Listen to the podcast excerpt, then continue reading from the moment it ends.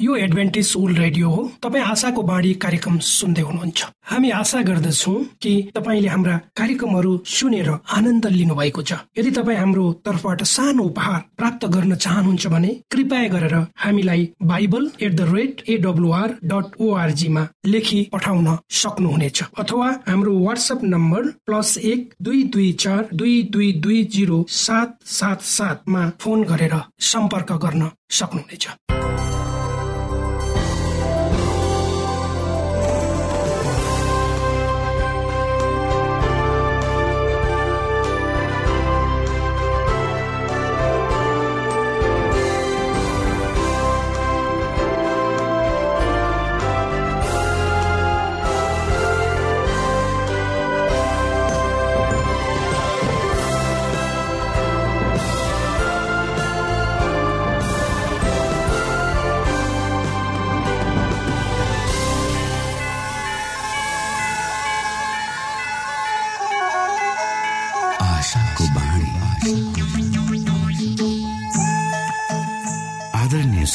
नमस्कार। यो समय तपाईँ एडभेन्टिस्ट ओल्ड रेडियोको प्रस्तुति भोइस अफ होप आशाको बाणी कार्यक्रम सुन्दै हुनुहुन्छ। कार्यक्रम प्रस्तुता म रवि यो समय तपाईँको साथमा छु। आशाको बाणी कार्यक्रम सुन्नको निमित्त पर्खेर बस्नुहुने समस्त प्यारा श्रोता वर्गमा हामी न्यानो अभिवादन व्यक्त गर्दछौ। हाम्रा महान परमेश्वरको प्रेम यसो ख्रिस्टको अनुग्रह र पवित्र आत्माको अगुवाईका विषयमा साँचो र सही सन्देश प्रस्तुत गर्ने क्रममा हामी छौँ र श्रोता दैनिक तपाईँले यी अध्ययनहरूका विषयमा सुन्दै जाँदा मनन गर्दै जाँदा तपाईँको जीवनबाट पनि ख्रिस्टको उपस्थिति झल्किन सकेको होस्। क्रिससँगको संगतिमा तपाईँले आदित्य आशिषको अनुभूति गर्न सक्नु भएको होस् भन्ने शुभेच्छा सहित हामी हाम्रो कार्यक्रमलाई अगाडि बढाउने अनुमति चाहन्छौ। सधैँ झै सुरुमा हामी यो मधुर क्रिस्टीय वचन सुन्नेछौँ।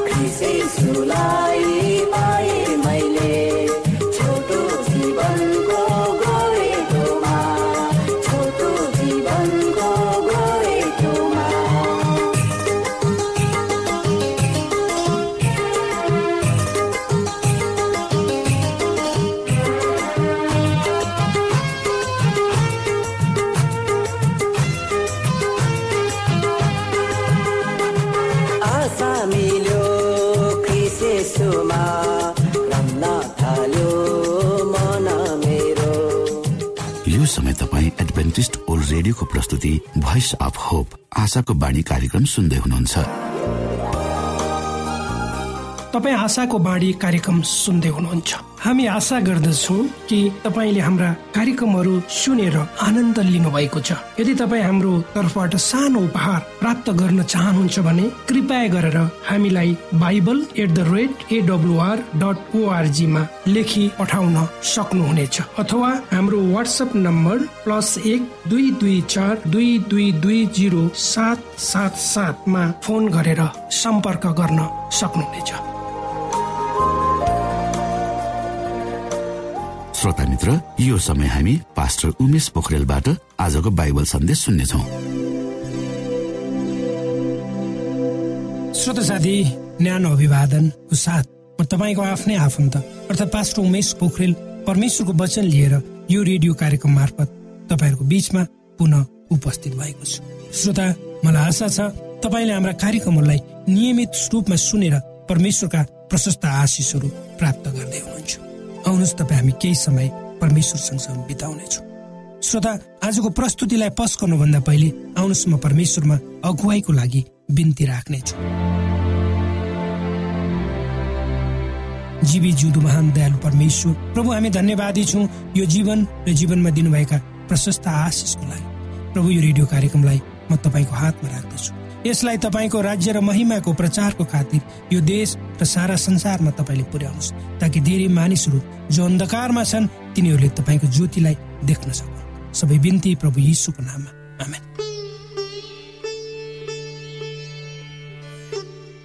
श्रोत साथी परमेश्वर हाम्रो हृदय चाहनुहुन्छ तर हाम्रा हृदयहरू सदैव सांसारिक कुराहरू प्राप्तिको निम्ति मात्रै लागेको देखिन्छ। त्यसैले प्रभु येसु भन्नुहुन्छ जहाँ तिम्रो धन हुन्छ त्यहाँ तिम्रो मन पनि हुन्छ। हाम्रो हृदय परमेश्वरसँग हुनुपर्छ। त्यसैले त प्रभु येसु भन्नुहुन्छ पहिले उहाँको राज्य र उहाँका धार्मिकताको खोजी गर। यी सबै थोक तिमीहरूका निम्ति थपिनेछ। हामी सबैले पुरा हृदयका साथ परमेश्वरको अतुलनीय प्रेमलाई स्वीकार गर्नुपर्छ। त्यसै सन्दर्भमा भनिएको छ तैँले परमप्रभु आफ्नो परमेश्वरलाई तेरा सारा हृदयले तेरो सारा प्राणले तेरा सारा समझले र तेरा सारा शक्तिले प्रेम गर। परमेश्वर तपाईँ हाम्रो जीवनको पहिलो स्थान हुनुपर्छ। श्रोत साथी सृष्टिकर्ता जसले स्वर्ग र पृथ्वीको सृष्टि गर र पवित्र धर्मशास्त्रले स्पष्ट भन्छ हामीले शनिबार परमेश्वरको आराधना गर्नुपर्छ। जुन दिन उहाँको सृष्टिको सम्झनाको रूपमा हामीले आराधना गर्छौँ। त्यसैले त पवित्र धर्मशास्त्र बाइबलको अन्तिम पुस्तक प्रकाशको चौध अध्यायको सात पदले स्पष्ट भन्छ परमेश्वरसँग डराओ र उहाँलाई महिमा देऊ किनकि उहाँका इन्साफको घडी आएको छ। स्वर्ग पृथ्वी समुद्र र पानीका मूलहरू बनाउने हुनेलाई धन्यवाद गर। आफ्ना सृष्टिकर्तालाई आराधना गर्नु उहाँका सन्तानहरूको चरित्र भजन सङ्ग्रहका लेखक भन्छन् आओ दण्डवत गरौँ र निहुरौँ। हाम्रा सृष्टिकर्ता परमेश्वरकै सामु सही उपासकहरूको जीवनमा यस्तै धेरै कुराहरू हुन्छन् जसले उसलाई आफ्नो आत्मिक वृद्धिमा सहयोग गर्छ।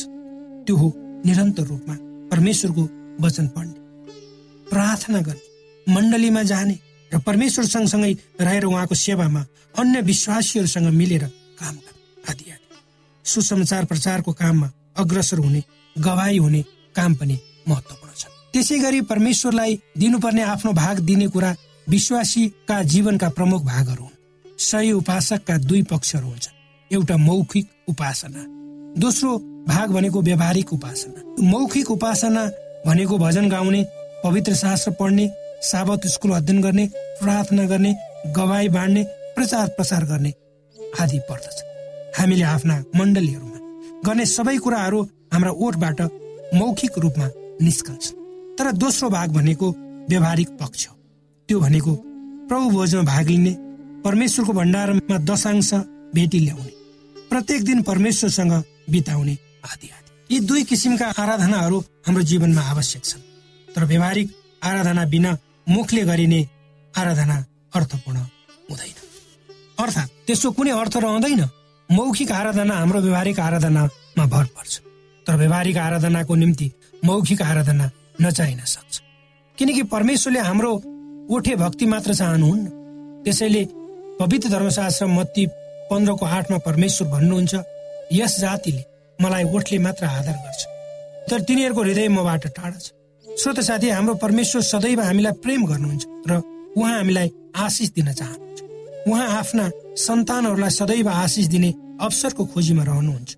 उहाँले कहिले पनि कसैको नराम्रो होस् भन्ने सोच्नु कहिलेकाहीँ हाम्रो आफ्नो कारणले हामी समस्याहरूमा पर्छौँ। परमेश्वरले हामीलाई धेरै आशिषहरू दिने प्रतिज्ञा गर्नुभएको छ।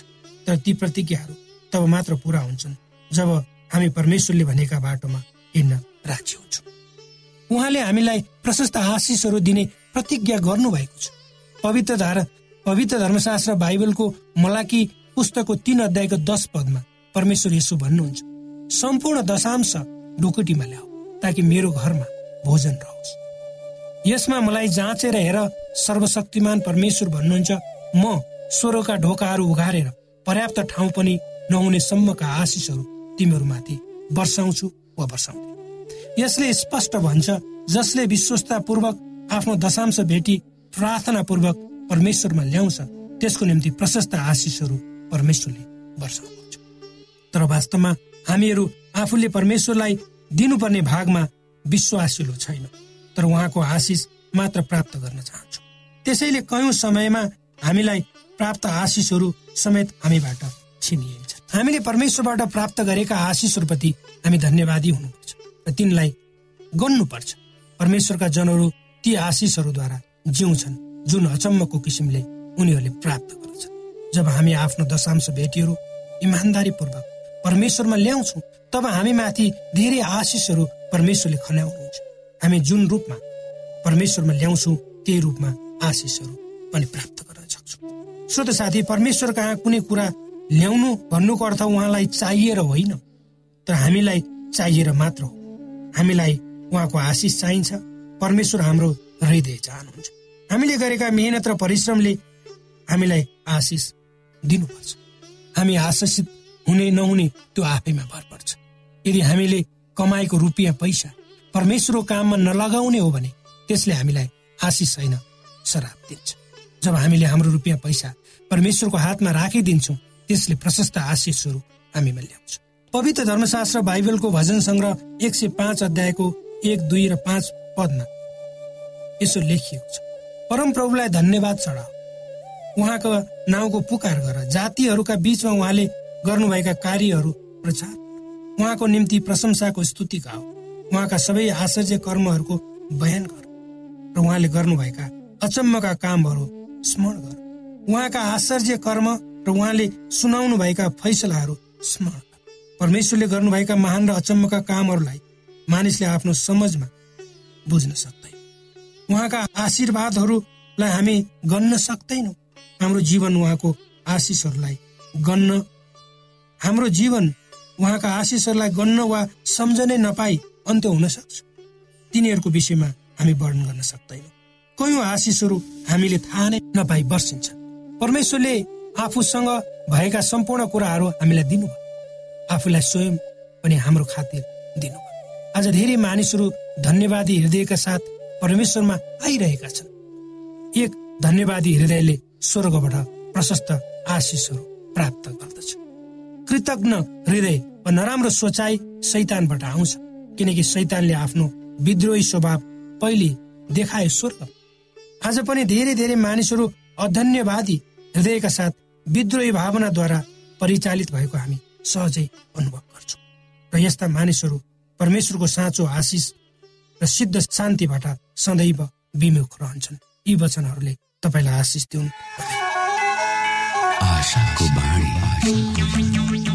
श्रोता भर्खरै यहाँले पास्टर उमेश पोखरेलबाट बाइबल वचन सुन्नुभयो। यो समय तपाईँ एडभेन्टिस्ट ओल्ड रेडियोको प्रस्तुति भोइस अफ होप आशाको बाणी कार्यक्रम सुन्दै हुनुहुन्छ। कार्यक्रम सुनेर बस्नुहुने सबै श्रोतालाई हामी हाम्रो कार्यक्रममा स्वागत गर्न चाहन्छौ। श्रोता मित्र यदि तपाईँ जीवनदेखि हरेस खानु भएको छ तपाईँका जीवनमा धेरै अनुत्तरित प्रश्नहरू छन् भने आउनुहोस् हामी तपाईँलाई परमेश्वरको ज्योतिमा डोहोर्याउन चाहन्छु। तपाईँ आफ्नो जीवनका चिन्ता फिक्रीबाट निश्चिन्त हुनुहोस् र बाँच्नुको आनन्द परमेश्वरको सामिप्यमा कति मिठो हुन्छ त्यो चाख्नुहोस् भनी हामी चाहन्छौँ। श्रोता यदि तपाईँ आशाको बाणी कार्यक्रमलाई अनलाइन सुन्न चाहनुहुन्छ वा डाउनलोड गर्न चाहनुहुन्छ भने ओआरजीमा जानुहोस्। त्यहाँ तपाईँले प्रत्येक दिनको कार्यक्रम सुन्न र डाउनलोड गर्न सक्नुहुनेछ। हाम्रो वेब पेज यस प्रकार छ।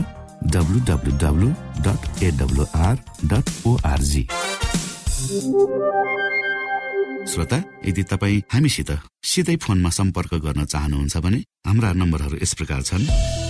अन्ठानब्बे एकसाठी पचपन्न शून्य एक सय बिस। अन्ठानब्बे एकसाठी पचपन्न शून्य एक सय बिस। र अर्को अन्ठानब्बे अठार त्रिपन्न पन्चानब्बे पचपन्न। अन्ठानब्बे अठार त्रिपन्न पन्चानब्बे पचपन्न।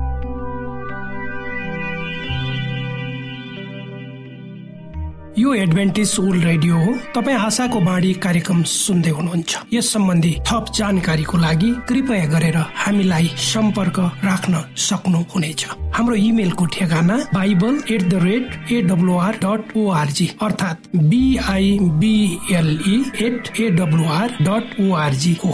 तपाईँ हामीलाई हाम्रो वाट्सएप नम्बर प्लस एक दुई दुई चार दुई दुई दुई जिरो सात सात सातमा पनि कल गरेर सम्पर्क राख्न सक्नुहुनेछ। अर्थात् प्लस एक दुई दुई चार दुई दुई दुई जिरो सात सात सात। यो आशाको बाणी रेडियो कार्यक्रम हो। म धनलाल राई यहाँहरूलाई यस कार्यक्रममा न्यानो स्वागत गर्दछु। श्रोता साथी आज म तपाईँको बीचमा बाइबल सन्देश लिएर आएको छु। आजको बाइबल सन्देशको शीर्षक रहेको छ सावत र सृष्टि।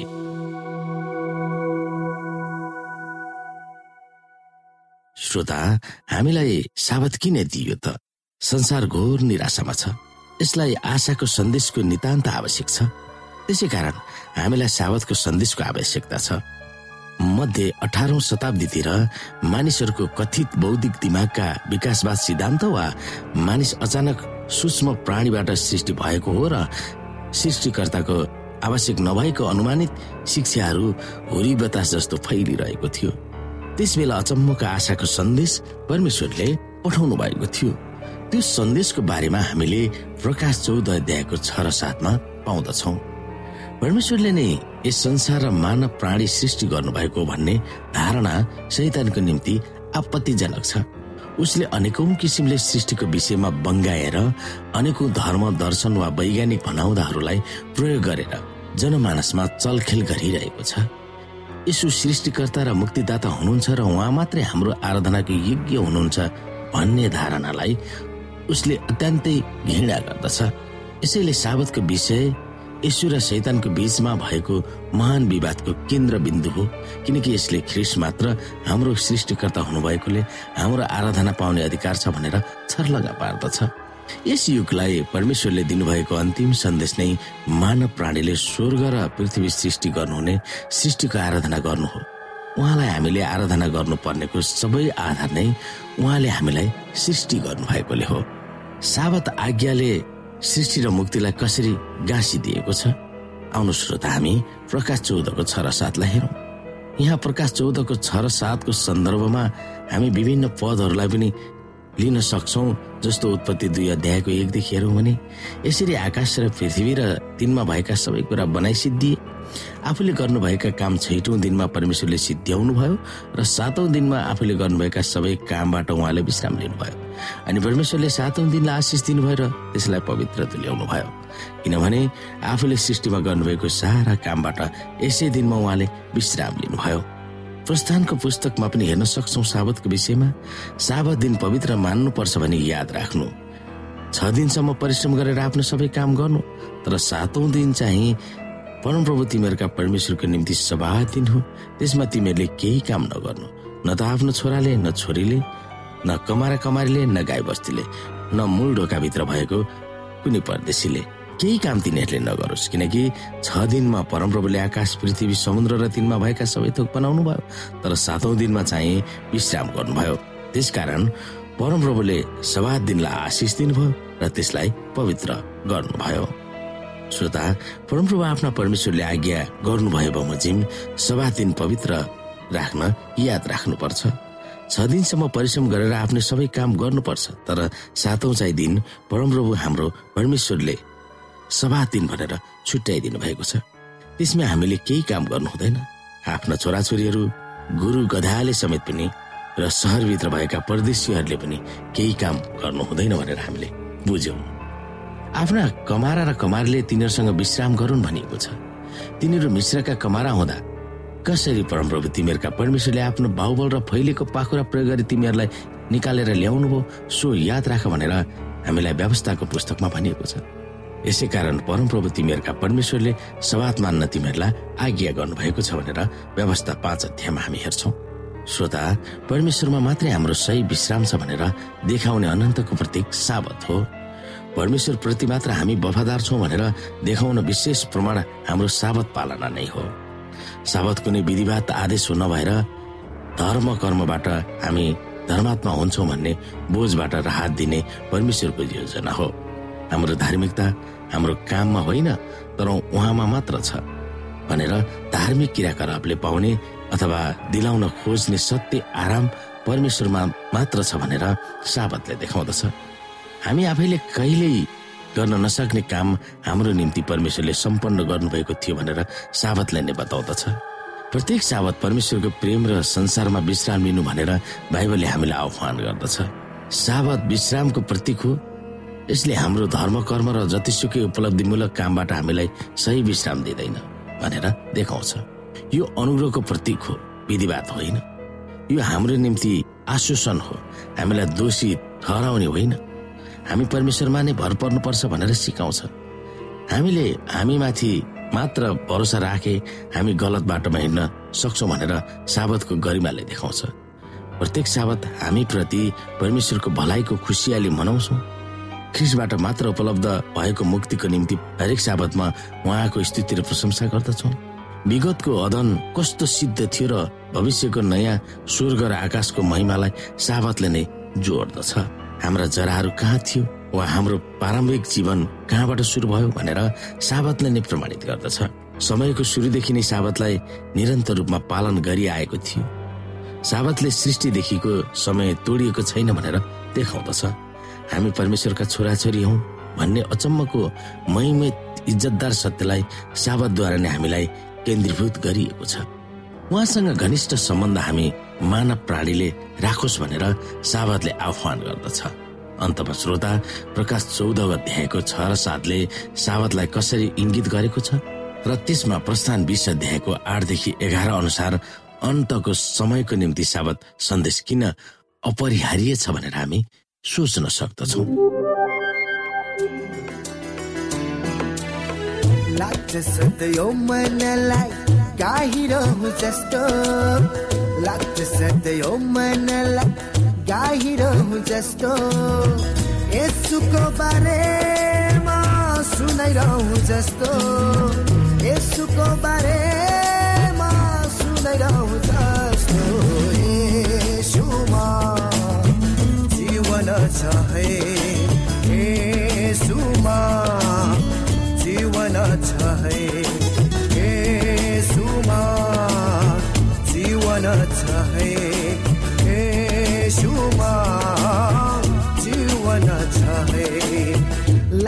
सधैँ यो मनलाई गाहिरहँ जस्तो।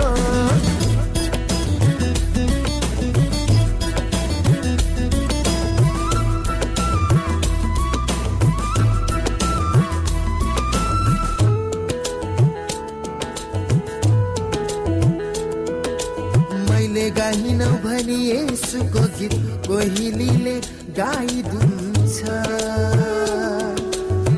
सुनाइन भने यसुको सन्देश प्रकृतिले साक्षी दिन्छ। मैले गाइन भने यसुको गीत कोहिलीले गाइदिन्छ। सुनाइन भनी यसुको सन्देश प्रकृतिले साक्षी दिन्छ। नसोच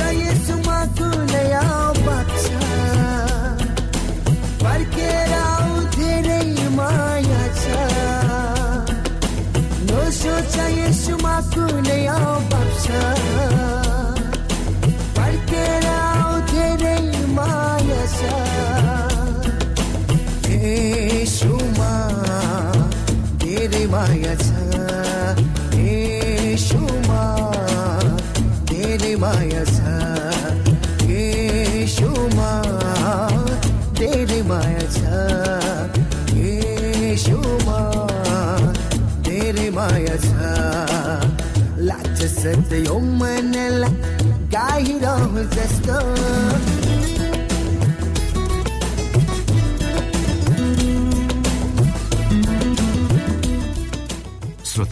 घडीको सुईले समय सकिन लागेको संकेत गरिसकेको छ।